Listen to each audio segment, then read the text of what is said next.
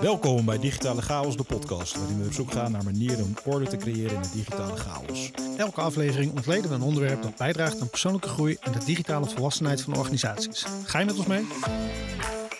Mijn naam is Christian Slierendrecht, ondernemer, auteur en marketingstratege. En mijn naam is Jasper Giepsma, ondernemer, UX-stratege en business designer. We moeten dit toch beter voorbereiden. Ja, dit het soort dingen. gaan ja, Het was ook in eerste instantie ook best wel chaotisch. Ja, eigenlijk wel. Het is nog steeds een beetje chaotisch. we zoeken nog steeds een beetje naar wat nou, wat nou precies eh, eh, de, de, de, de rode lijn is in het hele verhaal.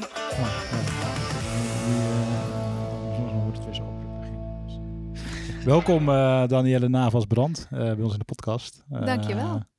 Leuk je in het echt te ontmoeten. We hebben Ja. elkaar al een keer eh, gesproken via digitale verbinding. Uiteraard, digitaal. En eh, leuk om even wat dieper, dieper in te gaan op eh, waar je mee bezighoudt. Maar ook natuurlijk het boek wat je hebt uitgebracht van de Ask Your Answer. Zeker. Ehm, Ja, natuurlijk leuk dat je er bent. En we hebben elkaar per ongeluk al gesproken vorig jaar een keer. Dat kwam- ja, we klopt. eigenlijk Bij NL achter. Digital op de zomerborrel hebben we elkaar lekker eh, uitgebreid eh, gesproken. Ja, op Scheveningen op het strand. Dat was al eh, een lekker beetje relaxed. hetzelfde weer als nu, denk ik. Misschien iets warmer zelfs. Ja. Kies het goed uit. Ja, zeker. En een mooie plek hier in Utrecht dus. we zitten weer eh, in het eh, kantoor van Ja Online vandaag. Ehm, ja. Ja. en er is eigenlijk maar één, één standaardvraag die wij onze gasten stellen. En eh, dat is, eh, hoe digitaal volwassen vind jij jezelf? Oeh. Nou, eigenlijk best wel. Ondanks dat ik eh, tot nu toe nog eh, in mijn uppie opereer, eh, ben ik best wel digitaal volwassen. Ja, ik zit zelf natuurlijk ook wel op HubSpot en gebruik video voor, eh, voor allerlei salesprocessen. Dus wat dat betreft eh, denk ik wel dat ik, eh, eh, ja, dat ik best wel volwassen ben. Maar ja, het kan altijd beter natuurlijk. Dat is ook wel leuk, hè? Want volgens mij leerden wij elkaar zo kennen, zeg maar via LinkedIn. En jij stuurde mij een videootje. Ja. Ehm, is het iets wat je vaker gebruikt? Ik gebruik video heel veel. Zo vaak mogelijk, ja. Ik gebruik het voor prospecting. Toen ik dus net begon met, eh, ja, met het nadenken over... ik wil een marketingbureau gaan worden. Eh, echt waar ik, eh, waar ik klanten help met eh, allerlei inderdaad digitalisering... en HubSpot partner worden enzovoort. Toen ben ik gelijk eigenlijk begonnen met, met video. En ik had geen idee wat het me ging brengen. En toen merkte ik van... Hey, ik heb 30% conversie van een koude video naar een afspraak. Wow. Dat is best cool. En toen dacht ik, hé, hey, wat ik mezelf heb geleerd, kan ik mijn klanten natuurlijk ook leren. En zo ben ik eigenlijk het video-gat ingesprongen. En leer ik dus ook wel klanten. En ja, dat is natuurlijk altijd wel onderdeel van de Ask You Answer, is ja, omgaan met video. En hoe kan je het inzetten op allerlei eh, manieren en plekken. Vet. Nou, daar heb ik zo nog een paar leuke vragen over. Ja. Ehm, ik ben sowieso ook wel benieuwd, hoe, hoe is jouw ondernemersreis tot nu toe gelopen? ja, ik ben nu 13 jaar ondernemer. En ik heb hiervoor bij Capgemini gewerkt. Jou ook wel bekend Aha, volgens mij. Ja, ja. We hebben elkaar daar nooit gezien, maar we kwamen er wel achter dat we allebei hebben gewerkt. Dat we eigenlijk oud-collega's zijn eh, van elkaar. En wat ik zo leuk vind aan Capgemini is dat de medewerkers onderzoeken, daar gingen we altijd, scoorden we altijd heel hoog op het gebied van we houden van onze collega's. We vinden onze Mhm. collega's echt het allerleukste. En dat is eigenlijk altijd zo. Want als ik mensen van Capgemini ontmoet die ik daar nooit heb gezien, heb je altijd gelijk een klik. En Ja. het is altijd leuk of ja, het is heel, heel grappig. eh. Maar goed, ik heb dus bij Capgemini gewerkt en toen ehm, dacht ik, heb ik veel gedaan voor grote corporates. ehm, veel gedaan op het gebied van marketing. Ik zat in de marketingafdeling van, eh van Capgemini als consultant. Dus wel naar buiten toe. Dus ik werkte voor grotere merken. En dan merk je wel dat je een, ja, een onderdeeltje bent van het grote geheel. Ja. En eigenlijk niet mee kunt denken met het beleid, mee kunt denken met wat er echt toe doet en wat we echt gaan doen op het gebied van, van sales en marketing. En dat miste ik. En zo ben ik mijn eigen bedrijf gestart. En ik ben als eerste gestart in de branding. Dus daar heb ik echt heel lang in eh, zit. Ik doe ik nu ook nog, nog steeds eh, branding. En daar merkte ik van dat het zo gaaf is om met kleinere bedrijven te werken. Want dan merk je dat je zoveel impact kunt maken en zoveel verschil kunt maken omdat zij ja, op dat gebied, een beetje wat jij net ook zegt en wat je natuurlijk in je boek ook hebt over hoe volwassen ben je. Mhm. Ja, daar zijn ze nog echt wel in de groei. En dan kan je ze nog echt wel helpen met heel veel dingen die ze ja, daar, nog, eh, ja, daar nog beter kunnen. Ja, ik vind het wel echt eh, bizar om te horen dan hoe een soort van synchroon we hebben gelopen bijna. Want ik ben ooit zeg maar bij Capgemini binnengekomen omdat ik dacht, hey, daar heb je misschien ook wel in de marketinghoek leuke functie. Want dat sprak me ergens wel aan. Ja. Maar uiteindelijk ben ik in banking terechtgekomen. En ook voor grote corporates, waar ik eigenlijk dus ook heb gewoon ontdekt dat dat niet mijn ding was. Alleen ja, dat is natuurlijk wel gewoon een hele waardevolle ervaring ook geweest. En ik, ik heb precies hetzelfde als jij. De collega's van Capgemini, dat waren altijd hele, hele toffe mensen. Ja. En een eh, ja, heel leuk, eh, leuk bedrijf ook. Ehm, dus het is wel grappig om te zien dan dat, eh, dat er een soort van vergelijkbare ja, ehm, synchroniteit bijna is in de stappen die we dan hebben doorlopen. Ook al hebben we elkaar nooit, nooit tegengekomen. Dus Ja, tof, vind ik eh, ook echt eh, zien. heel, heel bijzonder dan om inderdaad eh, te horen en mee te maken. Ja. Ja, cool. Zijn dan veel consultants die uiteindelijk het MKB gaan helpen vanuit Capgemini? Of, ik weet niet hoe jullie ervaring is Nou, met oud-collega's. Ja, ik, ik denk ook wel dat in, omdat je in dat circuit zit en dat Mhm. zelf ook doet, ga je dus ook die mensen opzoeken die dat ook doen. En Ja. dus merk ik wel dat inderdaad best wel veel oud-collega's van mij van Capgemini, die in mijn netwerk zitten, die voor zichzelf bezig zijn of inderdaad een klein bedrijf hebben die andere bedrijven weer helpen. En ja, dus dat is wel, eh, wel grappig om Dus te zien. En daar een keer, een keer een ja. borrel voor organiseren. Ja, nou dat Ik hebben voel een we beetje de wel. outlier hier zo, maar toch... eh, een goede vriend van mij werkt ook bij Kap op het moment. Kijk. Dus, eh, Kijk, nou misschien is dat nog zijn, eh, kan je zijn toekomst voor. ja, precies. Nou, wat, ik wel, wat ik wel toen ook er, ervaren van eh, op, op een of andere manier de, de, de grote accounts die gingen voor. Want daar zat het meeste geld in, zeg maar. Ja. En, en ja, uiteindelijk van ehm, wat ik zelf heb ervaren, en dat, dat, dat hoorde ik ja, volgens mij ook al in de voorbespreking zeggen. Zeg maar, de impact die je kan maken bij wat kleinere bedrijven, die is veel voelbaarder. Ja. Zeg maar. Dus als je aan de slag gaat, dan zie je vaak ook wel meer het resultaat van wat je samen doet. Ja, en daar haal je dan als persoon, als ondernemer ook wel voldoen, vol, meer voldoening uit, vind ik. Ja. ik ook. Hey, en ehm, dus je bent nu het DSQ Answer dat, eh, op de Nederlandse markt aan het brengen. Eh, een boek wat Mark Sheridan heeft uitgebracht in Amerika. Ja. Dat ook een heel bekend boek is in de inbound eh, wereld. Want ik, ik, ik kende Mark Sheridan, de naam, ehm, eh, de, de filosofie daarachter van de SQ Answer. Ik kende het al en ik gebruik het zelf ook in de praktijk. Alleen ik had het boek nog niet gelezen. Dus ik vond dit een hele leuke eh, manier om uiteindelijk dan een keer wat dieper in te duiken. Maar ik was wel benieuwd wat jou heeft ehm, eigenlijk gemotiveerd of gedreven om juist dit boek op de Nederlandse markt te brengen. Ja, nou, ik had het boek zelf gelezen en dat was inderdaad toen, eh, toen ik net was begonnen met mijn, eh, met mijn agency. En ik merkte dat ik ja, iets miste. Dat ik het gevoel had van, hé, hey, het komt niet helemaal van de grond. Ik mis iets. Er is iets wat me nog tegenhoudt om echt volwaardig de volt voor te gaan. En toen had ik het boek dus gelezen en ik was er enthousiast over. En toen kwam eh, de certification programma van hun kwam toen op mijn pad. Van hey, je kan certified partner worden, eh, certified coach worden van deze methodiek. eh, volgens ja, met, met Marcus Sheridan als een van de, van de coaches die je dan gaat opleiden. En toen dacht ik van ja, dit is volgens mij wel echt iets waar ik me helemaal in kan vinden. En dan ook een, ja, een structuur heb, iets waar ik me aan kan vasthouden, waar ik mijn klanten kan helpen met dit is het pad wat we gaan doorlopen. En dat maakt het dan ook heel duidelijk, want wat gaan we nu eigenlijk doen? Nou, en toen ben ik daar dus helemaal in, eh, ja, in ondergedompeld. En voordat, we dat, eh, voordat ik die certification eh, inging, had ik al vrij snel mijn eerste klant te pakken met de Ask You Answer. Dus ik voelde ook al gelijk van, hey, ik sta hier helemaal achter. Mhm. dit, dit past ook bij mij. Ik kan het met zoveel passie en zoveel enthousiasme overbrengen Klopt. dat dit wordt, dit, dit wordt echt wel mijn ding. En toen zei Marcus ook, want ik had Marcus eigenlijk al twee jaar, geleden, twee jaar daarvoor al benaderd om het boek eh, te vertalen. En eigenlijk de visual sale, wat ik net al ook al vertelde. En toen ik dus in die coachingsprogramma zat, toen had ik een, eh, een sessie met Marcus. En toen zei Marcus ook van, ja, ik weet nog dat je me had gemaild over het boek. Als je dat nog wilt doen, eh, ik sta er volledig achter. En toen dacht ik, oké, nu heb ik gewoon van alle kanten groen licht voor mezelf. Van dit ga ik gewoon nu doen. En toen zijn we in gesprek gegaan met, eh, met Wiley, de uitgever van het oorspronkelijke Engelse boek. Is een van de grootste uitgevers van Amerika.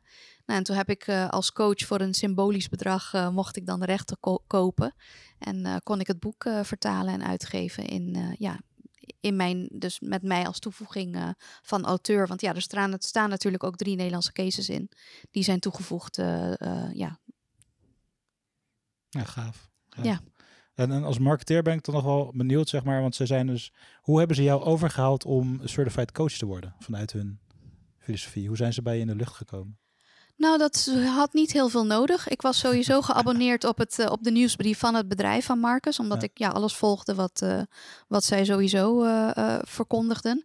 En toen kreeg ik een nieuwsbrief van ze van... hey, we zijn bezig met deze coachingsopleiding. Is het wat voor jou? Als je er meer over wil weten, nou, hier, kan je, hier kan je een eerste afspraak maken. Nou, toen ben ik bij de, bij de afspraak gegaan en toen had ik zoiets van... oh, wauw, dit is wel heel vet. Heel veel tijd en ook, nou ja, Amerikaans veel geld wat je erin eh, insteekt. Ja. Maar wel echt een, een gedegen programma met, ja, waar je toch echt wel best wel veel tijd in steekt. En waar er ook heel veel tijd in jou wordt gestoken als coach. Dus toen zat ik bij de eerste drie, eh, de, de derde cohort. En eh, ja, elke cohort zitten zo'n vier, vijf coaches in.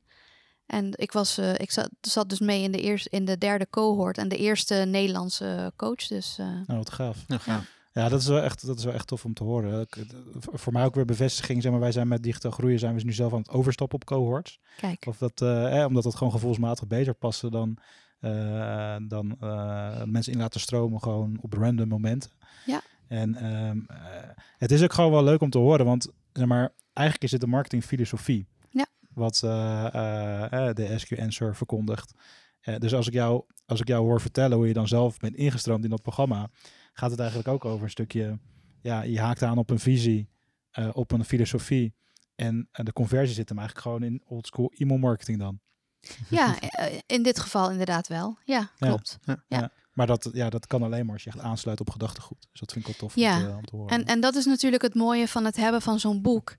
Is eh, eh, zo'n boek is natuurlijk de. eh, en je hebt het boek gelezen, Assignment Selling zal je niet onbekend zijn. Ja. Assignment Selling is huiswerk geven aan je prospect voordat je in gesprek gaat. Nou, zo'n boek is natuurlijk de ultieme assignment selling tool. Ja, exact. Dus als je dat boek weet te krijgen bij je prospect, dan wordt het al heel snel duidelijk van hey, hier sta ik compleet achter, hier, dit, hier wil ik wat mee. Ja. Versus, nou, niet voor mij. Prima, ben je ook niet voor mij. Dat is Ja, precies hoe ik het heb ervaren. Zeg maar, als mensen je boek lezen, dan zijn ze, zitten ze een paar uur eigenlijk in je hoofd en in je, in je wereld. Ja. En dan uh, je kan een stuk van je salesproces overslaan, basically. Je hoeft Precies. een stuk connect heb je niet meer nodig. Dat is een Precies. superkrachtig middel. Dat, En eh, even, even voor de, misschien ook voor de luisteraars, maar even kort een outline van wat, wat, ehm, wat is het principe erachter of de filosofie, om het zo maar te zeggen. En wat maakt het misschien wat anders als reguliere marketing of de, de, de, de gangbare benadering die we allemaal kennen. Ja, en je bedoelt van geheel de Ask You Answer als Ja, filosofie. dat hoeft natuurlijk niet, Ja. niet in detail helemaal. nee, snap ik. Ja. Vooral het boek lezen natuurlijk, maar eh, wat, een Ja. kort, korte outline. Ja. Nou, de basis van, van alles wat The Ask You Answer is, is eh, het bouwen van vertrouwen. Mhm. En het bouwen van vertrouwen doe je door middel van eh, de, alle vragen die jouw klanten ooit kunnen stellen, of jouw prospects ooit kunnen stellen, open, eerlijk en transparant te beantwoorden. Op allerlei open plekken. Dus dat kan op je website zijn, dat is vaak de eerste plek natuurlijk waar je je content plaatst. Maar dat kan ook op LinkedIn, social media, op een webinar. Het kan op Mhm. allerlei manieren zijn waarop je die vragen beantwoordt. Dus dat betekent dat je zo goed in de huid van je eh, in de huid kruipt van, van jouw klant, van jouw prospect, dat je precies weet wat er speelt en ook gewoon heel goed weet wat er dus leeft en daarover kunt eh, ja, gaan communiceren Ja. in, in al je content. En dat doe je met video's, met geschreven content, op sociale media, ja, op allerlei plekken. Ja. En dat gaat over het winnen van vertrouwen. En die transparantie, ja, dan zou je denken van, nou, dat is toch gewoon content marketing. Dat is alle content marketing, ja, klopt. Maar hier ga je zo ver dat je zelfs die vragen gaat beantwoorden die heel spannend zijn. Dus je gaat een vraag beantwoorden zoals, wat kost het nou eigenlijk? Mhm. En ik kan me voorstellen dat net als als je een auto gaat kopen, ja, wat kost een auto? Ligt eraan wat je wilt hebben. Ja. Nou, dat ga je dus uitleggen. Dit zijn de opties. Dit zijn de verschillende manieren waarop je het, eh, waarop je het traject in kunt gaan. Eh, een voorbeeld geven van, nou, eh, Pietje Puk was klant bij ons en die heeft het zo en zo gedaan. En dat kostte hem dus ongeveer zoveel. Ook bijvoorbeeld een ding wat je gaat vertellen is, wat zijn de problemen? Eh, er zijn altijd problemen en mensen willen weten, waar kan het misgaan? Nou, vertel dat ook. En ook een andere is concurrenten. Als ik niet met jou in zee wil gaan, of stel dat ik het met een ander wil gaan doen en ik vind jou helemaal geweldig, maar ik wil toch weten van wat zijn de andere opties, durf je dat ook te vertellen? Durf je ook te gaan vertellen wie je concurrenten zijn? En daar open, eerlijk en transparant eh, Mhm. ja, de mogelijkheid bieden eigenlijk aan je prospect om de allerjuiste beslissing te nemen voor hem of haar. Terwijl dat niet altijd de beslissing is voor jou. Wat is je ervaring daarmee met Nederlandse bedrijven? Want ik, ik herken dit vooral van Amerikaanse bedrijven wat meer. Zoals eh, bijvoorbeeld eh, ehm, ja, apps, bijvoorbeeld SaaS-oplossingen, die doen dat vaak. Hè, van die blogs waarin ze ja, iedereen in een rijtje naast elkaar zetten. En dan vaak eh, uit een soort beleefdheid zichzelf achteraan zetten. Ja. Maar ehm, ik kan me ook wel voorstellen, in, in- ik denk dat ik dat zelf ook wel heb als automatisme. Zo van, ja, dat in Nederland doe je dat niet of zo? Nou, Of wat ik er zelf, wat ik zelf uit het boek heb gehaald, is dat eh, de manier waarop eh, het in de SQ Answer wordt, eigenlijk wordt, wordt, wordt verteld, dat je jezelf niet in het lijstje zet. Maar dat je wel, zeg maar, er komt aan het begin van, hey, wij doen dit en dat. Hè. Dus Mhm, eh nou, Marcus Sheridan bekend van als de pool guy, dus die maakt een bepaald type zwembad. mhm. En dat je wel begint van, hey, wij maken dit soort type zwembaden en daar kunnen we je mee helpen, maar misschien is het wel geen fit voor jou. Ehm, eh, en, en dat ze dan ook letterlijk lijstjes gaven van concurrenten in hun gebied, verzorgingsgebied, bijvoorbeeld een top Mhm. 5. Maar daar zetten ze zichzelf niet in, niet tussen. Maar het feit dat mensen dat wel gaan vinden, ja, ze komen toch in hun omgeving en hun, hun Ja. aanraking met hun brand, waardoor je dus dat vertrouwen weer krijgt. Dat is hoe ik hem zelf interpreteer. Ik weet niet of dat helemaal klopt. Helemaal goed. Precies, ik had het niet beter kunnen verwoorden. Oké. je hebt klopt goed je huiswerk helemaal. gedaan dan. Hè? Ja. Klopt helemaal. Ja, want uiteindelijk, waar bevinden ze zich dan als ze dat blog hebben gevonden? Ja. Op jouw website. Dus je hebt ze eigenlijk al binnen. Ja. Dus wees dan gewoon eerlijk en transparant en vertel van, joh, wil je inderdaad een betonnen zwembad? Moet je niet bij ons zijn. Wil je een andere leverancier die misschien hetzelfde product levert als ons, maar je vindt hun leuker om de een of andere Mhm. reden? Prima, hier heb je ze. Mensen komen er toch wel achter. Die gaan toch googelen. Ja, en, en toch, toch vraag me dan de, de, de ehm, ik wil wel niet, ja, de, ik vind- laat ik zo zeggen, de, de culturele verschillen in dat Mhm. opzicht. Denk van, als in Nederland voelt dat een soort van als not done of zo, of ik weet niet, eh, zijn de ervaringen daarin met Nederlandse ondernemers wel anders? Of Ja, en ik denk, ik, ik denk ook wel dat het ligt aan hoe je het presenteert en Mhm. hoe je het doet. Ik denk wat, wat we in Nederland vaak zeggen is van... ik wil het vooral niet over mijn concurrent hebben. Ik ga mijn concurrent Ja. niet afvallen. Maar in deze filosofie ga je je concurrent ook niet afvallen. Nee. Je gaat juist vertellen dat ze er zijn en dat ze bestaan. En dat het een optie is voor Ja. je om bij, met hun in zee te gaan. Dus je gaat helemaal niemand afvallen. Ehm, en wat ik ook merk is als je ze eenmaal duidelijk hebt gemaakt van... ja, het gaat om het vertrouwen winnen... Win je het vertrouwen door te vertellen, open en eerlijk en transparant, wie jouw concurrenten zijn? Is het antwoord ja? Ja. Nou, dan moet je het doen. Ja. Durf het dan ook gewoon. En ik moet je zeggen dat, ehm, dat inderdaad die cultuurverschillen, die zijn er wel. Maar de basis van alles is dat vertrouwen. En dat overstijgt alle culturen en alle... Ja, dat, scho- schoot me Ja, net ook even te binnen, zeg maar, het voorbeeld van, eh, stel dat je in gesprek bent met iemand en eh, je kan twee dingen doen. Bijvoorbeeld je kan, eh, je kan ehm, met iemand, stel dat het een collega, collega van je is, het hebben over een andere collega die er niet bij is, zeg maar achter de rug om. Of je kan iets goeds vertellen over die collega. Ja. Dat, dat is een beetje de dynamiek, zeg maar. En Ja. de, de reflex is vaak, en dat zit misschien ook wel in onze cultuur, ik weet niet, in de cultuur of zo, van, Ja. van eh, eh, dat je dan eh, het ene doet, terwijl als je het andere doet, dan zit het heel erg in een positieve, positieve sfeer. Ja. En dat is ja, ik, maar er zit, dat is misschien niet, misschien zijn er nog wel meer drempels die, die jij ervaart, Danielle, ehm, waar, waar ondernemers of bedrijven tegenaan lopen die hiermee aan de slag gaan. ja. Want dit was er één, maar zijn er nog meer drempels die je ervaart? Kijk, de grootste drempels zijn inderdaad sommige onderwerpen. Prijs vinden ze echt heel spannend. Eh, inderdaad, over je concurrenten hebben vinden ze ook super, super spannend. Ja. En ik zeg ook altijd, het hoeft ook niet het eerste blog te zijn. Begin klein. Ja. Begin met de dingen waarvan je weet van oké, daar gaan we, eh, ja, daar willen we over vertellen. Dat durven wij. Begin zo. Ehm, en ga daarna, vervolgens zul je zien van hé, hey, ik krijg tractie. Er komen mensen naar de website. Er komen mensen die enthousiast zijn erover. Die ons zien als inderdaad open, eerlijk en transparant. Het gaat ons geen windeieren opleveren. En dan kan je altijd nog doorgaan. Maar wat we wel zien is dat die artikelen waar je inderdaad de grootste durf voor moet hebben, dat dat ook de grootste impact heeft. Ehm, wat we bijvoorbeeld zagen bij het bedrijf van Marcus, wat hij zag, is dat dat artikel over die concurrenten, die heeft hem zoveel opgeleverd. Gewoon omdat mensen gingen googlen op review concurrent ei. En dan kwamen ze dus op dat blogartikel van hem. En omdat hij dus zo enthousiast, open, eerlijk en transparant vertelde over zijn concurrenten, kreeg hij vaak aanvragen van mensen die hij normaal gesproken niet had gehad. Ja. Eh, omdat ze zoiets hadden van, oh wacht even, ik ben een review aan het zoeken van een concurrent van jou, maar jij bent zo open en eerlijk, ik wil van jou ook wel een offerte hebben. Nou, 9 van de 10 keer wordt dat dus alsnog een klant. Het is de, de, de interessante dynamiek die hierin vind ik ook dat je kan meeliften op de naamsbekendheid van grote partijen. Dus eh, stel dat je fietsenma lokale fietsenmaker Ja. bent. En ehm, eh, er zijn fietsvoordeelshop.nl adverteert op radio, weet ik veel wat. Je hebt een paar grote ketens die adverteren in de mainstream media. Dus die hebben een soort van eh, meer brand awareness. Dus mensen gaan eerder googlen naar dat soort, dat soort partijen. Dus reviews, maar ook... eh, dus je vangt ook gewoon verkeer af wat eh, geleid wordt door eh, brandactivatie van grotere merken.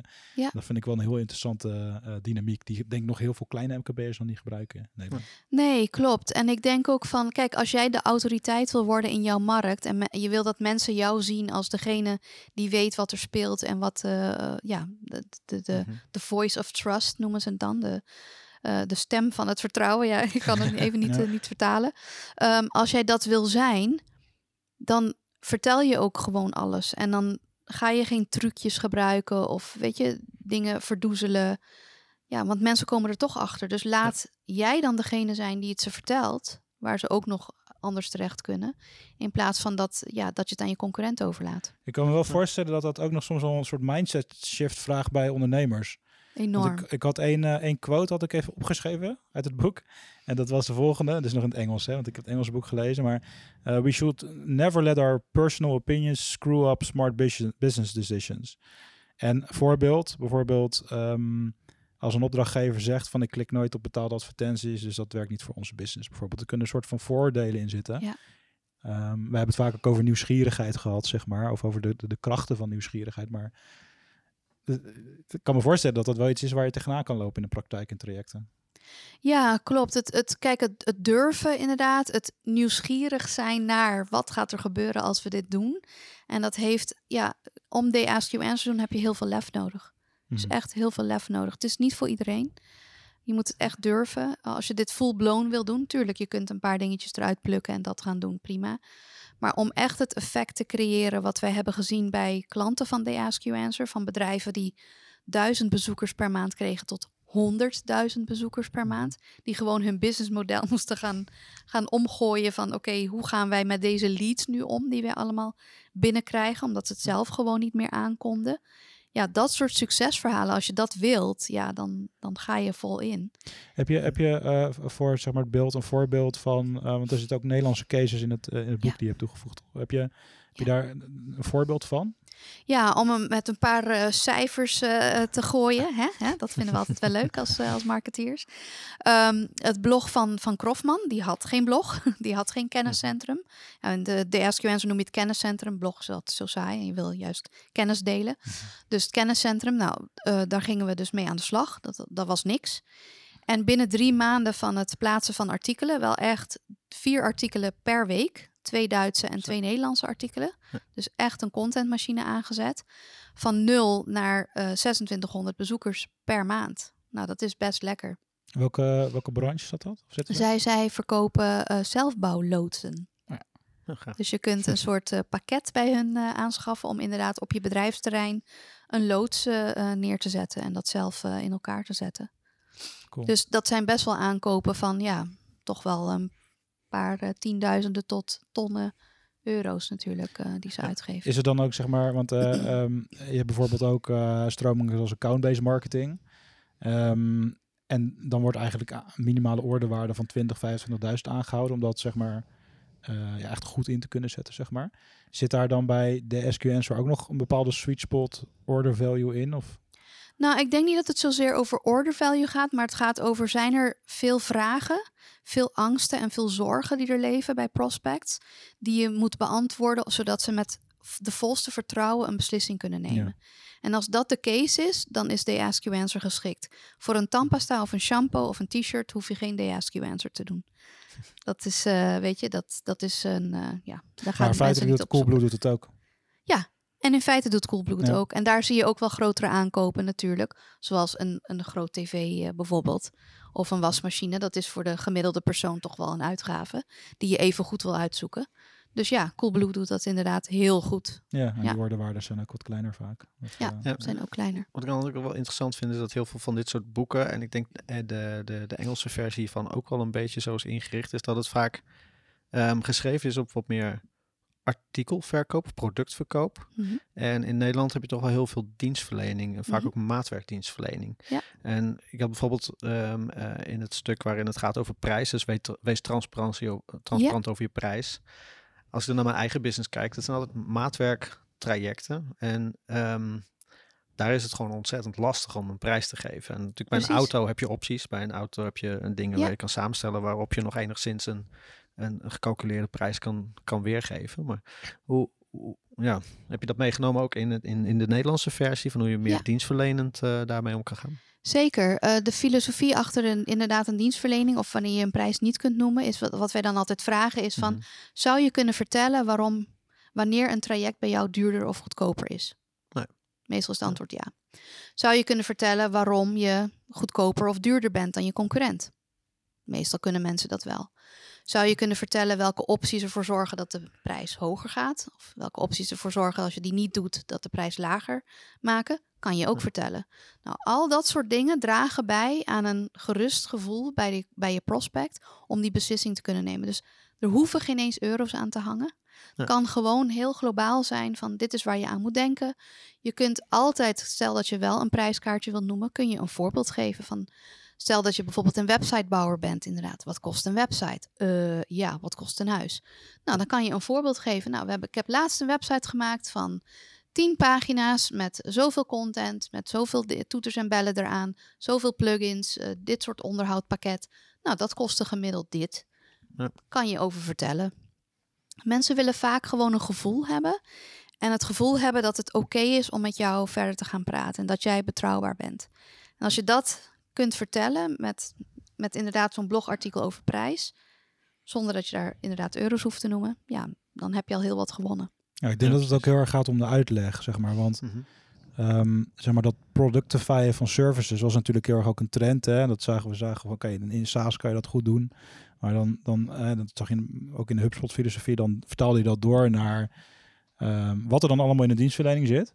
Maar je kan, het- gaat om een uitleg volgens mij. Dus hoe, hoe ik dat zelf bijvoorbeeld graag doe, is dus niet afpellen qua stukjes eh, van wat er dan in een service zit. Nee. Maar dan om uitleggen van oké, in je salesproces bijvoorbeeld. Maar dat kan dus ook al op, op je website van wat voor toegevoegde waarde gaat het leveren of kan het leveren. Zodat je eigenlijk een stukje Ja. business case kan schetsen, waardoor je een goede onderbouwde beslissing kan maken. En dan hoe complexer het product wordt, eh, hoe belangrijker dat eigenlijk wordt. Dus dat je ook een stukje consultative selling combineert Ja. met het afvangen van die vragen. Want dat, volgens mij is het toch van, als je een complex product hebt, dan moet je gewoon met iemand in gesprek. En wat volgens mij, wat de SQ Answer doet, die, ehm, die, die, die, die optimaliseert dat proces. Dus die zorgt ervoor dat, dat je... Dat is misschien wel nog iets waar je dan... Want je hebt assignment selling al een keer benoemd. Ja. Maar zou je eens kunnen uitleggen wat dat precies is? Er staat eh, sowieso een, een case van een IT-bedrijf, in, eh, een Nederlands IT-bedrijf in de Ask You Answer van To Increase. En daar merkten we met assignment selling dat het eh, proces wat normaal gesproken 90 dagen in beslag nam, het verkoopproces, werd teruggebracht naar 10 dagen door assignment selling. Ja. En wat was dan assignment selling? Assignment selling is, ehm, je inventariseert dus alle klanten prangende vragen die je klant heeft voordat die klant gaat worden, dus prospect heeft. Daar ga je bijvoorbeeld een top 10 selectie van maken van wat zijn de, de top 10 belangrijkste vragen. Daar ga je uitgebreid antwoord op geven. En vaak zijn dat eh, vragen van de Big Five, zoals een prijs, problemen of eh, concurrenten. Ja. Nou, kijk maar even wat, wat voor jou eh, geldt op dat moment. Ehm, die ga je, vragen ga je bundelen in een, ja, in een soort koopgids. En nog voordat je het eerste gesprek hebt met, met je eh, prospect, stuur je die koopgids toe en zeg je tegen je prospect: Hey prospect, we hebben volgende week een afspraak. Ik weet nu al, dit is een grote beslissing voor jou, een spannende beslissing voor jou. Ik weet nu al dat je deze acht vragen zeker gaat stellen. Ja. Dus ik heb ze voor je samengevat in deze bundel, in deze koopgids. Lees hem rustig door. Het liefst doe je dat in een video. Vertel je waarom ze dit moeten doen.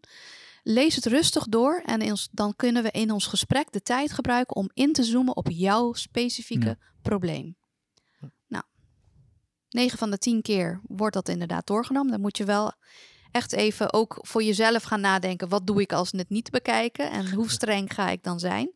Maar dan denk ik altijd, ja, de rol van een teacher is altijd, je mag eisen stellen aan je prospect. Want jij hebt de moeite genomen om die informatie te bundelen. Zorg er dan ook voor dat ze het gelezen hebben. Want daar he- heeft iedereen wat aan. En als je het zo verwoordt, dan gaan ze dat ook wel doen. En dan merk je dus dat in je gesprekken, inderdaad, je salesgesprek, heb je al die eerste 80% van de vragen heb je al binnen. En hoef je dus niet meer over de, ja, de dingen te hebben waarvan je denkt van, hebben we die vraag weer? Hallo. eh, Maar Ja, het, is ook, het is ook op het moment als iemand dat niet doet, dan is dat eigenlijk een, eh, eh, dat kan een signaal zijn dat je klant niet, niet zo goed gekwalificeerd is. Of je kan het gebruiken om te bijvoorbeeld 24 uur of 48 uur van tevoren nog even een mailtje te sturen of een berichtje van hey, ik zie dat je het nog niet hebt, eh, eh, bijvoorbeeld je kan ook een questionnaire gebruiken. Hè? Ja. Ik zie dat je het nog niet hebt ingevuld. Ja. Ehm, klopt dat dat het minder hoog op je prioriteitenlijst staat? Want dan, eh, eh, Verzet dan verzetten, verzetten we graag de. Ja. Dat En dat, dat, werkt, dat werkt wel heel goed. ja. Ik begreep dat Marcus Sheridan zelfs heel extreem gaat. Dat hij zegt, als ze hun huiswerk niet doen, dan, eh, dan word je gewoon geen klant. Of dan eh weiger je inderdaad Ja. de afspraak. Ja. Je kan er dat vrij hard in gaan, volgens mij. Ja. Ja, en dat is inderdaad, kijk, dat is weer een beleidsdingetje. Hè? Dat kan ik niet bepalen voor mijn klanten. Wat mij betreft, als je de moeite hebt genomen om daar helemaal in te gaan, ehm, vind ik ook dat je Ja. dat kunt verwachten van je, van je prospect om dat ook te doen. Zeker voor een grote beslissing. eh, come on. dat, eh, dan wil je toch die informatie hebben. En het helpt hun natuurlijk ook weer om met concurrenten te, ja, om te kunnen kijken van hé, hey, wat, wat geef jij mij allemaal? Wat geeft de concurrent eh, eh, mij? En ja, dat is ook weer onderscheidend natuurlijk voor jou als je dat, eh, dat doet. Maar het is al een, Ja, indica ja. Het is al een indicatie van commitment. En als die buy-in er niet is Precies. bij de beslisser, ja, dan, dan, is het ook, dan is de kans van slagen van een laatste traject ook minder. Want je hebt, Ja. je hebt gewoon echt harde commitment nodig, omdat het gaat over Ja. een lange termijn aanpak. Ja. En voor, dus voor mij zou dat een indicatie zijn om, om ja, als, als ze het van tevoren niet doen, om die, om die call niet door te laten gaan. Ik wil het grappig. Ik moet altijd denken aan. eh, ik, ik heb altijd in de, in de winkelverkoop gestaan vroeger. En mijn broer, die, eh, ik heb in het bedrijf van mijn broer gewerkt. En die zei altijd: de, de klant is geen koning, maar die is president. Die wordt gekozen. Oké. En Nou, hadden- kijk. en zo heb ik ook wel eens een, een salesgesprek gehad eh, ehm, in het begin dat wij eh, met Telecreations begonnen. Waarin ook een, eh, een, een, een, een prospect zat, uh, waar, waar ze in een eerste gesprek. En die was aan het, ehm, aan het praten met wat voor grote bureaus die allemaal wel niet sprak. En dat wij, de, hè, wij waren dan ook uitgenodigd. En eh, hoe mooi dat was dat wij daar zaten. En eh, heel erg aan het, ehm, ja, noem het een beetje aan het pochen over van Ja. hoe, hoe, hoe goed hun eh, traject er wel niet uitzag. En hoe mooi hun opdracht al niet was. Dat je in je handjes mag knijpen, dat je mee Bijna mag doen. wel, ja. En dat was misschien niet eens bewust door ze, maar zo, zo, Ja. op een gegeven moment zat ik zo het afst- afstandje te bekijken en ik zei op een gegeven moment van, ja, bedankt voor, voor, eh, voor het gesprek en eh, ja, nu moeten we ook nog even gaan kijken of we jullie als klant willen. En toen zag je ineens een soort van shock in zijn ogen, zo van, hoe bedoel je? Ik zei, ja, wij moeten ook voor jullie kiezen. En eh, toen is dat gesprek en die samenwerking helemaal omgedraaid. En toen hadden we echt een super fijn, eh, meer gelijkwaardig gesprek, Ja. denk ik ook Ja. veel meer. Maar ehm, eh, ja, daar moet ik dus altijd bedenken. Dus dat triggerde mij nu ook zo van ja, in zekere zin, je kan natuurlijk wat verwachten van je prospect. En ja, je moet Ja. ook voor diegene kiezen. Dus dan mag je ook al best wel eisen neerleggen. Ja, Klopt. om dan nog, een one-liner erin te gooien die ik wel eens gebruik. Niet de klant is koning, maar de case is koning. Dus dat je echt gaat Ja. kijken van wat voor case ligt hij. Ja, Hier kunnen we waarde kan ik er toevoegen. wat mee? Ja. En eh, zit daar een goede dynamiek en synergie en ook, ook al gewoon een klik in of een bepaalde chemie die je met de klant hebt. Ja. Dus dat zijn wel echt eh, ja, dingen die in de praktijk, denk ik, als je die allemaal toepast, dat, eh, dat kan echt een verschil maken in, eh, Ja. niet, niet alleen maar in, in, in of je deals close, maar ook gewoon in je, eh, je werkgeluk, in samenwerkingen. Ja, ik merkte het laatst ook, dat was wel grappig. Ik kreeg feedback van een prospect, daar had ik een gesprek mee gehad met het, met het team eh, binnen de organisatie. En toen kreeg ik eigenlijk ja, een soort van verwijt, eh, moet ik zeggen, van ja, maar je hebt helemaal niet gepitcht en zo. En het werd helemaal niet van, eh, je, je was ons niet aan het overtuigen. Het leek wel alsof wij jou moesten overtuigen dat wij het wel wilden doen.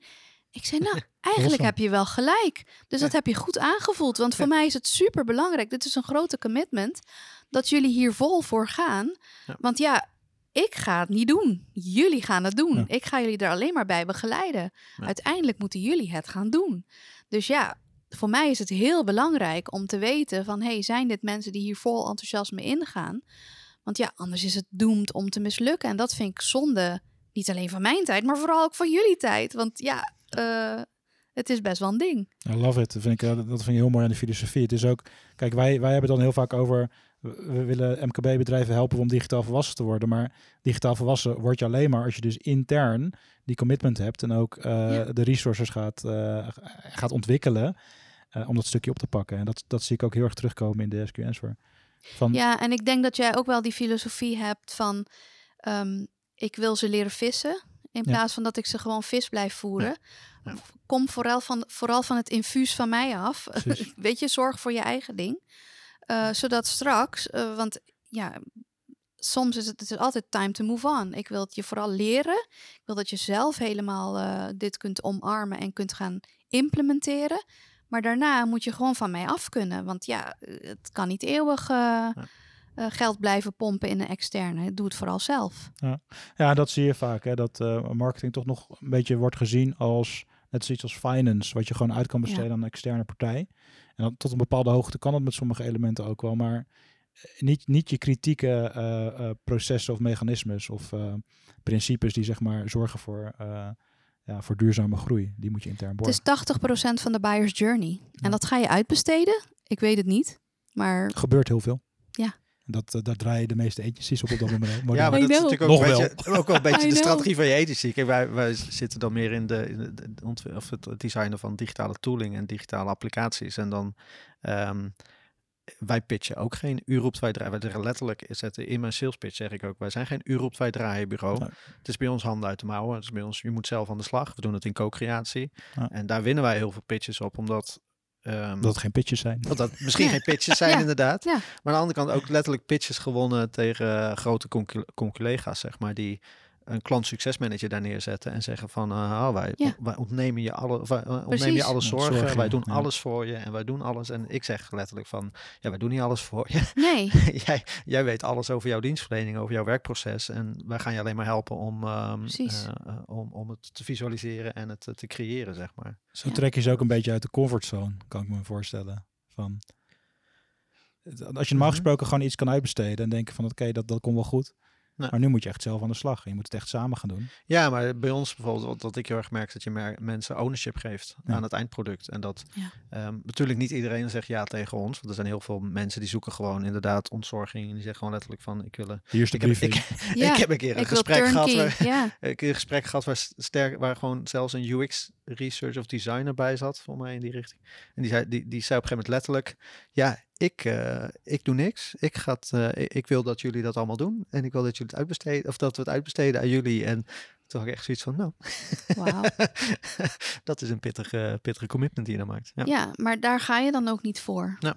Ja, Ja. dus want dat, dat past niet bij, bij jullie strategie en wat jij wil. Ja. En ik vind, eh, kijk, agencies zullen altijd bestaan. Want er zijn inderdaad altijd bedrijven die het compleet willen uitbesteden.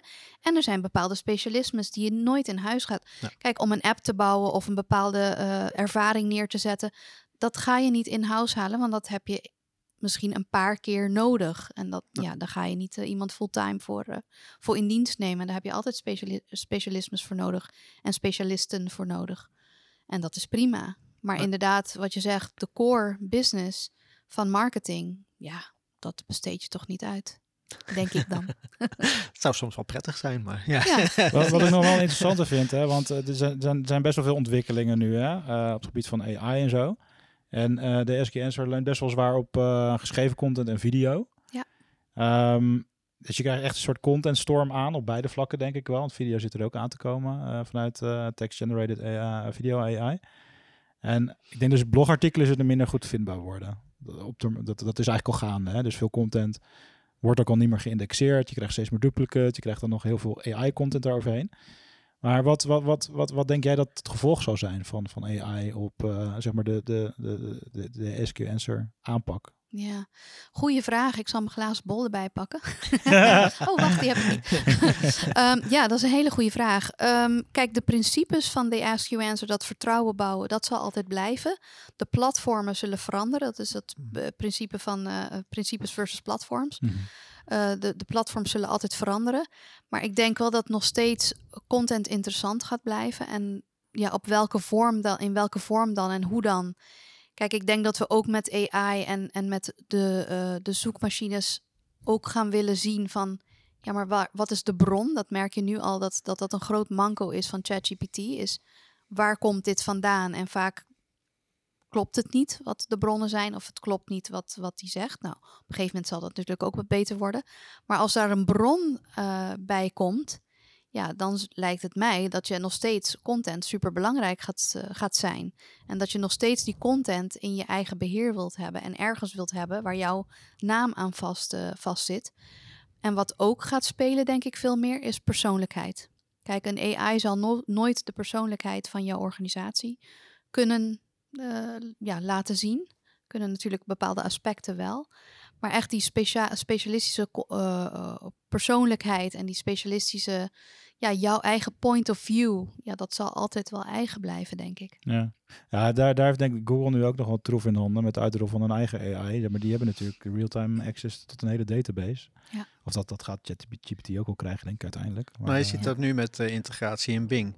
Je hebt in uh, Microsoft Edge, als je die browser ja. gebruikt, heb je zo'n site, um, noemen ze het Site Assistant of iets, een, een assistent. Een moderne versie Sidebar. van de paperclip uit Word. Ja, ja, er, ja. ergens wel, maar die doen aan bronvermelding. Dus als jij daar een vraag in de chat uh, typt, dan zegt hij letterlijk van nou, dit, dit is het antwoord wat we gegenereerd hebben en dit zijn een aantal bronnen waar we dat uitgehaald hebben. Dus daar, daar zie je dat al wel. En daarin zie ik wel inderdaad dat, dat, dat die curatie inderdaad ook veel belangrijker wordt. Ja. Zo van oké. Okay, maar... maar wat je dus, zeg maar, de trend die je ziet, en ik heb het daar ook in een, een keertje met Chantal Schmink over gehad. Uh, is meer SEO-specialist, die ook wat breder kijkt dan alleen maar het specifieke vakgebied. Maar je ziet dus, die zoektermen worden steeds groter en breder. Die zouden nu nog specifieker en persoonlijker worden, waarschijnlijk. Want mensen kunnen gewoon nu vragen stellen straks. Met, aan AI-powered AI zoekmachines kan je gewoon vragen stellen die heel spe specifiek over jouw wensen gaan. Ja. Dus ik, ik zag laatst een, een post van Jerol Arcus. Uh, die gaf ook een voorbeeld van, ja, stel je wil met je familie naar een pretpark. Nou, uh, een gezin met twee kids, die leeftijd, ja. Uh, ja. zoveel kilometer wil ik, wil ik rijden. en de entreeprijs mag maximaal 15 euro zijn en nog een paar dingen. Dus je zou helemaal kunnen gaan afpellen voor je organisatie. Oké, okay, zijn al die verschillende uh, uh, antwoorden op die vragen beantwoord? En dat zul je dan ergens ook moeten mixen, denk ik, met, met ja, een unieke point of view of, of een stukje gedachtegoed leiderschap, wat je als zelfs... founder doet bijvoorbeeld. Want, mm -hmm. want anders ga je niet ja. uh, straks ga je denk ik niet hoog uit die resultaten komen. Nou ja, zelfs al die punten die je nu noemt, zoals het mag zoveel kosten, er moeten ze in een straal van zoveel kilometer, betekent dus dat die content super goed op orde moet zijn. Dat zou de basis wil moeten jij, worden. Wil jij in die zoekresultaat naar boven komen, ja. moet je dat gewoon wel echt op orde hebben. Dus het wordt steeds belangrijker om juist je content heel goed, uh, heel goed op orde te hebben, zodat je dus boven water komt. Ik vind dat, dat, dat vind ik eigenlijk best wel een, een interessante hypothese. Van eigenlijk die SQ, de SQ Answer zorgt er eigenlijk ook voor dat als je alles ja. hebt uitgeschreven, ja. dat, dat, uh, dat je potentieel een hogere kans hebt om hoger te gaan ranken in AI-powered zoekmachines. Nou. Dat zou een interessante hypothese zijn. Maar dan, dan liggen er denk ik nog steeds heel veel gaps voor veel bedrijven. Ja, ja maar ik denk dat het principe ook, en dat, dat gevoel krijg ik uit de titel van het boek ook een beetje, dat het ook veel meer om menselijkere vragen gaat. Want als je nu, ik ben heel goed in googlen, omdat ik een soort van staccato kan googlen, zeg maar. Een soort van, Ja. nou, ik zoek eh, letterlijk op termen en die combineer ik tot een, tot een search en dan doe ik wat. Maar nu met ChatGTP kun je inderdaad gewoon veel menselijkere vragen stellen, waarbij je zegt van, oh ja, ik heb eh, deze context en eh, oké, maar daar eens bij helpen. En dat, eh, dat is een hele, ik merk bij mezelf ook ineens een hele andere manier van, van vragen stellen, waarin ik eerst de context beschrijf en dan de vraag stel. En dat, dat begint heel anders. Nou, het komt woordje Ja. context natuurlijk weer. Wat Jouw favoriete woord? mijn Ja. favoriete Ja. woord. Maar ja, dat is veel interessanter, ja, veel heel anders aan het worden. Maar de, denk ik wat je al aangeeft, de principes uit het eh de Ask You Answer eh, eh, verhaal, blijven. die blijven eigenlijk gewoon elkaar Ja. overeind staan. Maar ik ben wel... ja, wat, wat je? Nou, het grappige is, is in The Ask You Answer al zie je al dat eh, toen het was geschreven, volgens mij de laatste versies van 2017, dus dat is ook al best wel een tijdje geleden, Mhm. is dat we al de trend zagen van dat mensen googelen, wat is de beste voor mij? Ja. Ja. Dus dat inderdaad, dat ze het idee hebben van Google weet mijn weet het al. context al. dat is heel grappig. Het is bizar als je erover nadenkt. Dat mensen eigenlijk al... We gaan er al Ja, vanuit dat de big data hè? ervan bekend uit dat ze dat, dat, Ja. dat ze dat allemaal weten. Ja. Ja. Maar het is wel interessant. En, ehm, en in het boek hè, ehm, wordt eigenlijk ook gezegd van ehm eh, stuur erop aan om een fulltime content manager aan te nemen. En op termijn misschien zelfs ook wel een, eh, een videograaf, iemand Ja. die eh, die video's maakt fulltime. Ehm, is dat dan iets wat nog eh, aan verandering onderhevig is in, dat, in, de, in, in de context van het hele AI-verhaal, denk jij? Ja, ik denk dat, dat video sowieso. Ik merk nu ook al dat eh, bijvoorbeeld bij een van mijn, een van mijn klanten, Krofman, die zijn eigenlijk video first gegaan. Ja. Die hebben als eerste die videograaf aangenomen. Eh, en toen zijn ze wel natuurlijk met de content aan de slag gegaan om van die content weer video's te maken. De geschreven content dan. Maar ehm, die klant van mij, zel- die zei zelf al van, ja, voor mij is het belangrijkste is die video. Hij was helemaal aangehaakt op het hele videoverhaal. Omdat we merken dat mensen willen niet alleen maar leren met, door dingen te lezen. Ze willen ook gewoon dingen absorberen door te kijken. En geëntertained te worden eh, door plaatjes te zien en beelden te zien. Mhm. Uh, en dat maakt het ja ook driedimensionaal. Opeens ja, ken je bijna iemand. Het is een beetje net als de video die ik jou stuurde via LinkedIn. Echt een hyper gepersonaliseerde videoboodschap die alleen voor jou was. Ja, dat geeft toch een hele andere sfeer dan dat ik jou een mailtje of iets zwart-wit stuur. En wat we ook zien is dat mails worden gelezen met een soort negatieve context. Van ik lees hem negatief. Terwijl een video kan je daar heel veel ja, meer jeu aan geven. Dus ik denk Ja. zelfs dat, dat die switch misschien nog wel gaat gebeuren. Dat mensen video first gaan in plaats van eh, bloggen first. Eh, dus dat Ja. is wel grappig. Ja. ja, audio is ook een. eh Ja, zie ook steeds meer. Ja. Podcast is natuurlijk een van de Podcast. Ja, maar grootste. bijvoorbeeld, ook, bijvoorbeeld ook voice memo's, hè? Ik bedoel, eh, ja. als je outreach wil doen via LinkedIn, ja, dan is een persoonlijke video is denk ik eh, een hele sterke. En een goede nummer twee is denk ik eh, eh, eh, voice memo's. Ja. Ehm, dus eh, ja, maar die personalisatie die wordt gewoon steeds belangrijker. Dat merk je wel. Ja, maar ik denk ook die multimedia dimensie, waarin de ene kant. De- daar hebben wij wel eens over nagedacht om bijvoorbeeld blogartikelen ook in audio variant, maar ook in video variant dan te presenteren, waarin je Ja. mensen eigenlijk de optie geeft, zo van eh, pak wat voor jou het prettigst is. De Ja. vraag wordt een beetje, wat wordt dan je broncontent, denk ik? Ja. Want is je, is je bron dan de prompt? Nou, daar zou ik nooit helemaal voor gaan, want ik zou nooit de AI de creator laten worden van de content. Maar ergens wil je een soort, als je bijvoorbeeld de video kan schieten en uit die video kan je dan vervolgens weer je tekst laten destilleren door AI, ja prima, weet je wel. Maar dat vind ik dus wel een hele interessante. Dat is meer filosofisch denk ik, maar van oké, ja, wat, wat wordt dan je main Ja. piece of content, wat je basis is eigenlijk? Ja, wat wij vaak zien is dat inderdaad de geschreven content is de single source of truth. Mhm. En daaruit volgen dan de video's. Maar dat kan wat, dus ook andersom zijn. Kan dus wat ook je zegt, zijn. Kan Ja. helemaal andersom eh, zijn inderdaad. Dus je eerst de video's schiet en het hele verhaal doet. En daaruit eh, de artikelen schrijft. Wij, eh, wij, wij maken nu podcasts, maar wij willen eigenlijk straks gewoon dat het Kijk. AI dat hier tekst van maakt en ook nog eens een video van kan maken. Over een half jaar kan dat misschien. Nou ja, de video, idee. de video is gewoon een kwestie van wat camera's hierop zetten. Hè? Dan ben je er ook al. Nee, met terugwerkende kracht bedoel ik, hè? Dan de oude ja. episodes, dat we dan ons Ja. beeldmateriaal uplo- uploaden. En dat AI er dan een leuk videootje van maakt. Ja, ja. Dus, ik zag al dat er een AI ook was met eh, dat je jezelf dus opneemt, maar dan hoef je niet in de camera te kijken. Je kunt gewoon aan de zijkant kijken en dus een script voorlezen. Maar doordat hij je gezicht herkent, gaat de AI jou vanzelf gewoon recht in de camera Oh, wow. laten kijken. Dus dat is ook wel een vette, vette ontwikkeling. Ja. Ja, dat kan over een jaartje allemaal gewoon Nou, dat kan nu Dat al. kan al, dat ja. is er al. ja. Dat Je hebt is nu ook al. al een, eh, volgens mij een virtuele talkshow over, eh, waarin ze ehm, experts met elkaar laten praten, maar in AI-vorm. Dus je hebt voor mij een interview tussen Elon Musk en. Steve Jobs. Oh ja. En eh. Oh, ja, allemaal van die, eh, van die grootheden, Ja. maar ook uit, die al overleden zijn, die ze dan met elkaar laten Grote praten. filosofen. Nou, het grappige is dat AI, kijk, Chat, ChatGPT heeft nu AI massaal natuurlijk Mhm. toegankelijk en iedereen is er nu mee bezig. Maar AI bestond natuurlijk al heel lang. Ja, hè? Dat eh, afmaken van je zinnen in je e-mails, eh, weet je, de, de, de, Google Translate, allemaal AI. Dus het, het, het, het is er allemaal al. Alleen nu is het, eh, is het alleen nog maar groter en versnelder natuurlijk. Ja. Ja, en ook de tooling is veranderd, denk ik. Want Ja. de, de kracht van ChatGTP is letterlijk de chatvorm natuurlijk ook, die, die daarin. eh, en, het, en het taalmodel wat erachter zit. Dus dat is inderdaad wel. Maar is, eh, antwoord op jouw vraag net van, van wat voor plek heeft het dan in je marketing? Ik denk dat het ook een stukje gereedschap is. Zeker op dit moment ook nog wel echt een stuk gereedschap waarin je, zoals wij ook, als we episodes voorbereiden, dat je, het, eh, dat je je laat inspireren door ChatGTP of dat je jouw context opgeeft en Mhm. dat hij daar zeg maar de patronen uithaalt of, eh, of, of de, Ja. ja. uit het, het grotere web van, eh, van informatie. Ja. Nou, ik denk wel dat het voor elke marketeer, zeg maar, die aangenomen wordt, wel gewoon belangrijk is dat je daarmee overweg kan in ieder geval. En dat je, Ja, dat je, dat je, je, ja, dat je wel een bepaalde mate van tool-adoptie, dat je dat eh, in je hebt. En het wordt nu alleen maar makkelijker en sneller om inderdaad die drie artikelen per week die wij bij de Ask You Answer prediken, om die ook voor elkaar te krijgen. Want ja, Ja.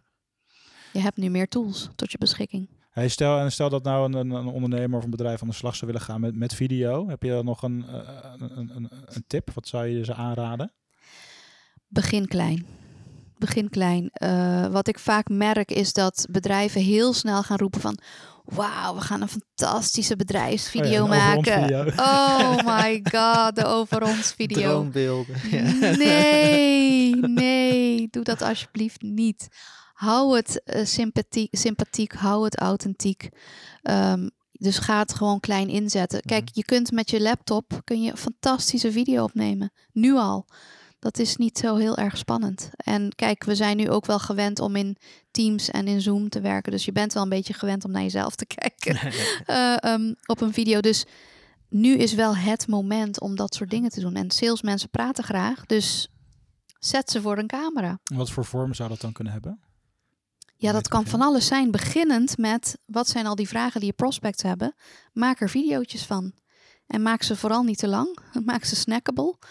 Maar ga er video's over maken. En dat zorgt er gelijk voor dat je dat vertrouwen bouwt. Want iemand die in beeld en geluid aan het bewegen is, dat wekt zoveel meer vertrouwen dan dat je een documentje krijgt eh, toegestuurd met, eh, ja, met zwart op witte teksten. Ja, dus We werken helemaal, bijvoorbeeld- geen, we helemaal geen vertrouwen met onze podcast. We hebben nog zijn geen video.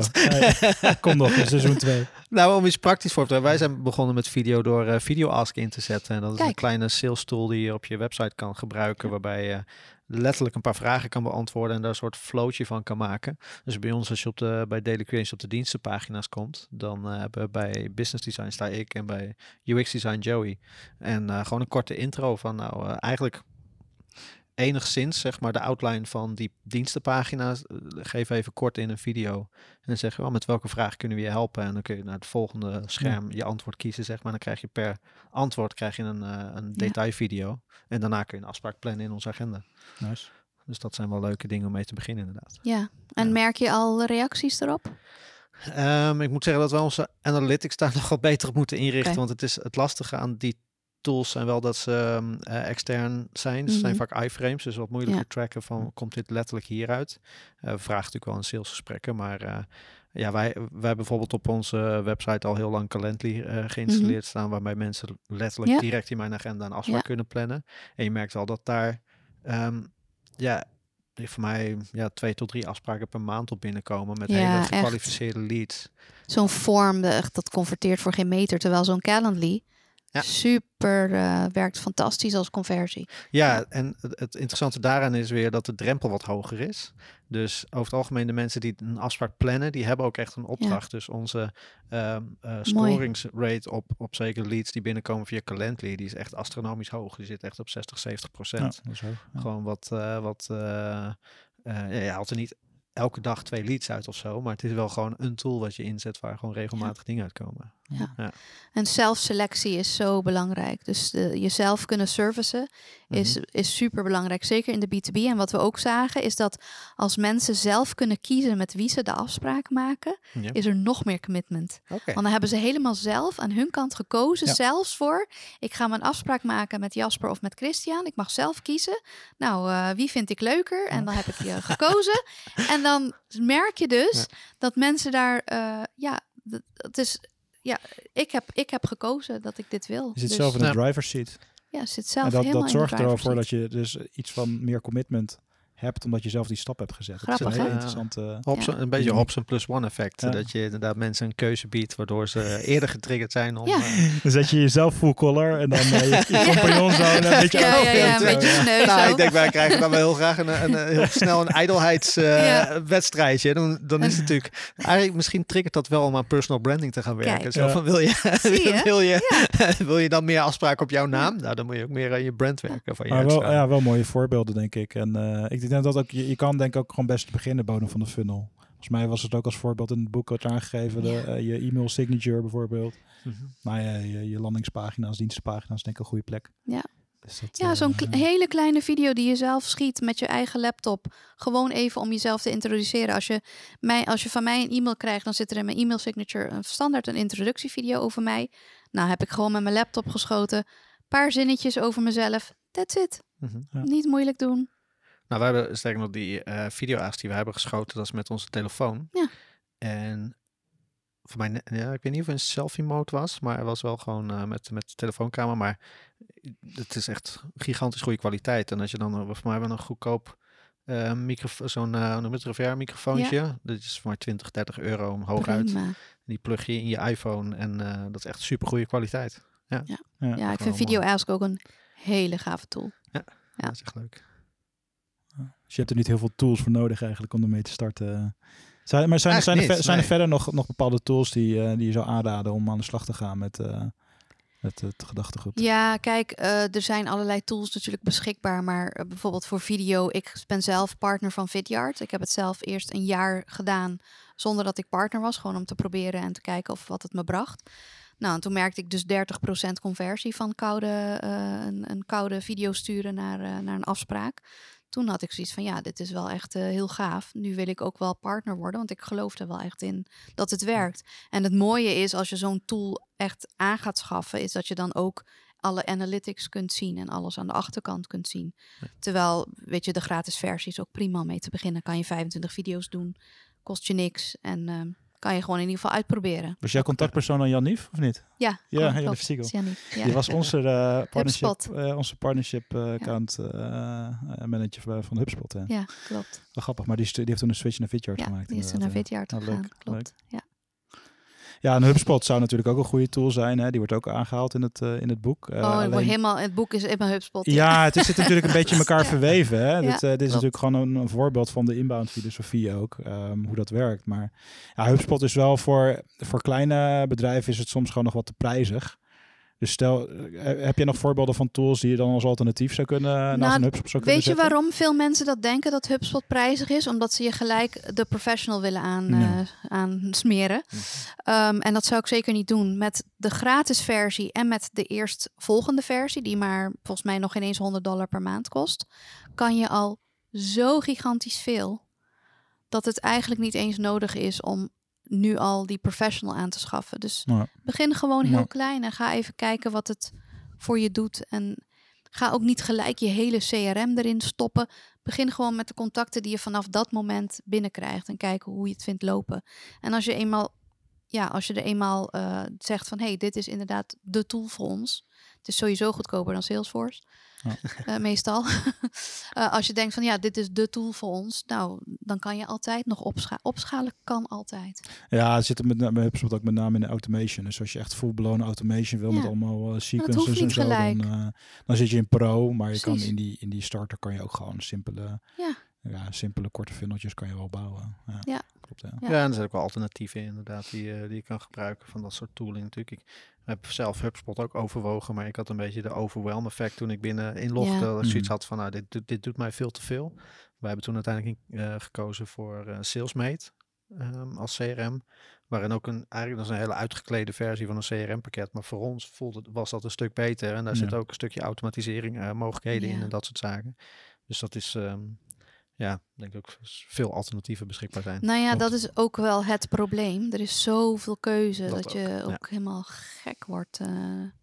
ja. en daar, ja, daar zou, zou je echt een, iemand die wat digitaal volwassener is, denk ik, dan ik, eh Christian. Dus, eh, Nou ja, kijk, wij, wij, daar komen, misschien meer nee, maar het zijn verschillende. Sommige bedrijven hebben nog helemaal geen CRM. Ja. Nou, dan is het inderdaad vaak een goede eerste startpunt om gewoon te beginnen. En dat CRM van HubSpot Ja. is gewoon gratis. Ja. Ja. En daar kan je gewoon mee starten. Eh sommigen hebben al een CRM en dan moet je kijken, oké, kan je dingen aan elkaar, aan, aan elkaar knopen? En dan hoef je echt niet meteen 700, 800 euro voor een, voor een eh, eh, pro-pakket van HubSpot te betalen. Maar soms kan je met Active Campaign bijvoorbeeld starten. Ja. Een paar tientjes in de maand. Als je meer automation wil doen. Dus het is, nogmaals, de case is koning. ja. Gewoon altijd Ja. kijken van wat past het beste in de fase waar je zit. En dan als je naar een volgende fase groeit, ja, dan, dan is misschien een, eh, een, eh, iets duurder pakket ook meer toegevoegde waarde. Maar dat Ja. moet je er niet doorheen proberen te drukken, kosten wat het kost. Het moet gewoon passen bij de, ja, eh, bij de case. Bij de, bij de Ja, dat is denk ik ook waarom er zoveel opties zijn. Waarom er zoveel concurrenten zijn voor dat soort systemen. Is omdat Ja. je natuurlijk elke context, elke case, elke niche is weer net anders. ja. En dat is natuurlijk net wat bij jou past als bedrijf. Het is een onmogelijke opgave om ze allemaal te kennen en te weten. Ja. En precies eh, uit te kunnen vogelen wie wat wanneer goed is.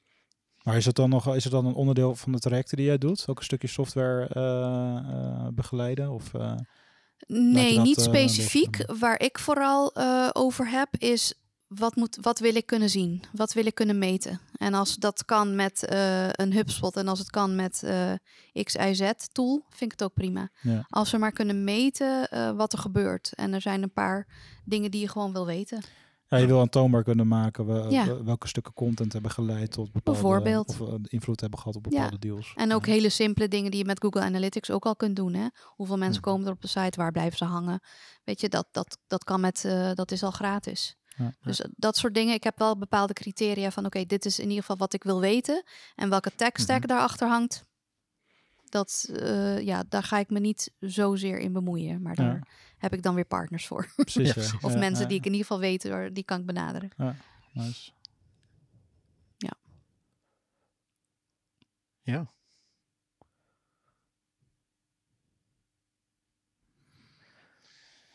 Ja, wat ik nog wel een eh, leuke vond, hè, zeg maar, de SG Answer gaat heel erg over transparantie en over vertrouwen bouwen.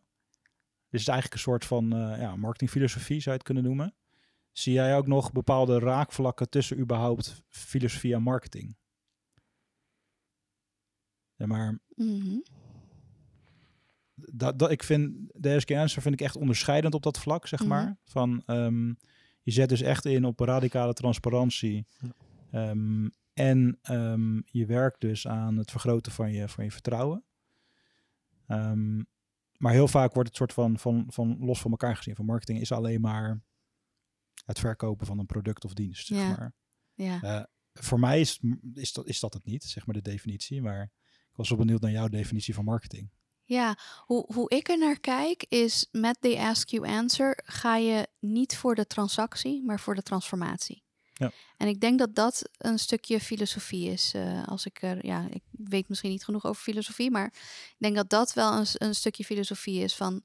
Ga je, eh, wil je echt voor de keiharde transacties gaan? Wil je gewoon keihard inzetten op lead gen en zoveel mogelijk klanten binnenhengelen, kosten wat het kost, of ze nou wel of niet bij ons passen?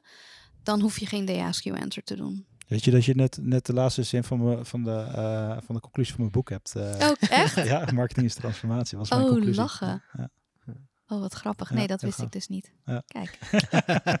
Super gaaf. Ja, leuk. Volgens mij, hebben we dan, eh, volgens mij eh, maken we hem al mooi rond dan zo. Eh, ja, absoluut. Heb jij nog een uitsmijter? Eh vraag qua uitsmijter, Jasper? Ja, misschien een praktische tip waar je morgen, waar je morgen mee aan de slag zou kunnen gaan al. Ja. Vanuit, vanuit het eh, filosofie. ja, de allereerste, en dat zegt de titel natuurlijk ook al, is ga een inventarisatie maken van de vragen die jouw prospects hebben, die je altijd krijgt. En Mhm. selecteer daar je top eh 8, 10 vragen uit en ga daar als eerste mee aan de slag. Gaan we doen, toch? Yes. Absoluut. Gaan we doen. Ja. Hey, superleuk. Je, je staat eh, eh, in de top 10 van Management Boek. Dicht tegen Ja. de top 5 eh, aan, volgens mij. Ja, Ik sta eh, nu vandaag de dag op nummer 6. En nummer 1 marketing eh, rubriek. Dus dat is wel heel eh, cool. Maar ja, we gaan natuurlijk voor die nummer 1 positie op managementboek. Als deze podcast uitkomt, dan staat er misschien al een nummer Staat 1. hij al nummer Wie één, ja. weet. Of dan misschien kunnen we dan net het laatste zetje helpen Misschien al de tweede week. ja. Nee, dat zou wel mooi zijn inderdaad. Let's go. Super mooi. Nou, daar gaan we dan voor. Hey, hartstikke bedankt voor dit toffe gesprek. Dankjewel. Super dank. Leuk Dan gaan we aan de slag. Ja, morgen. Morgen. hey, thanks voor goed. deze. Hartstikke bedankt. Dank jullie wel.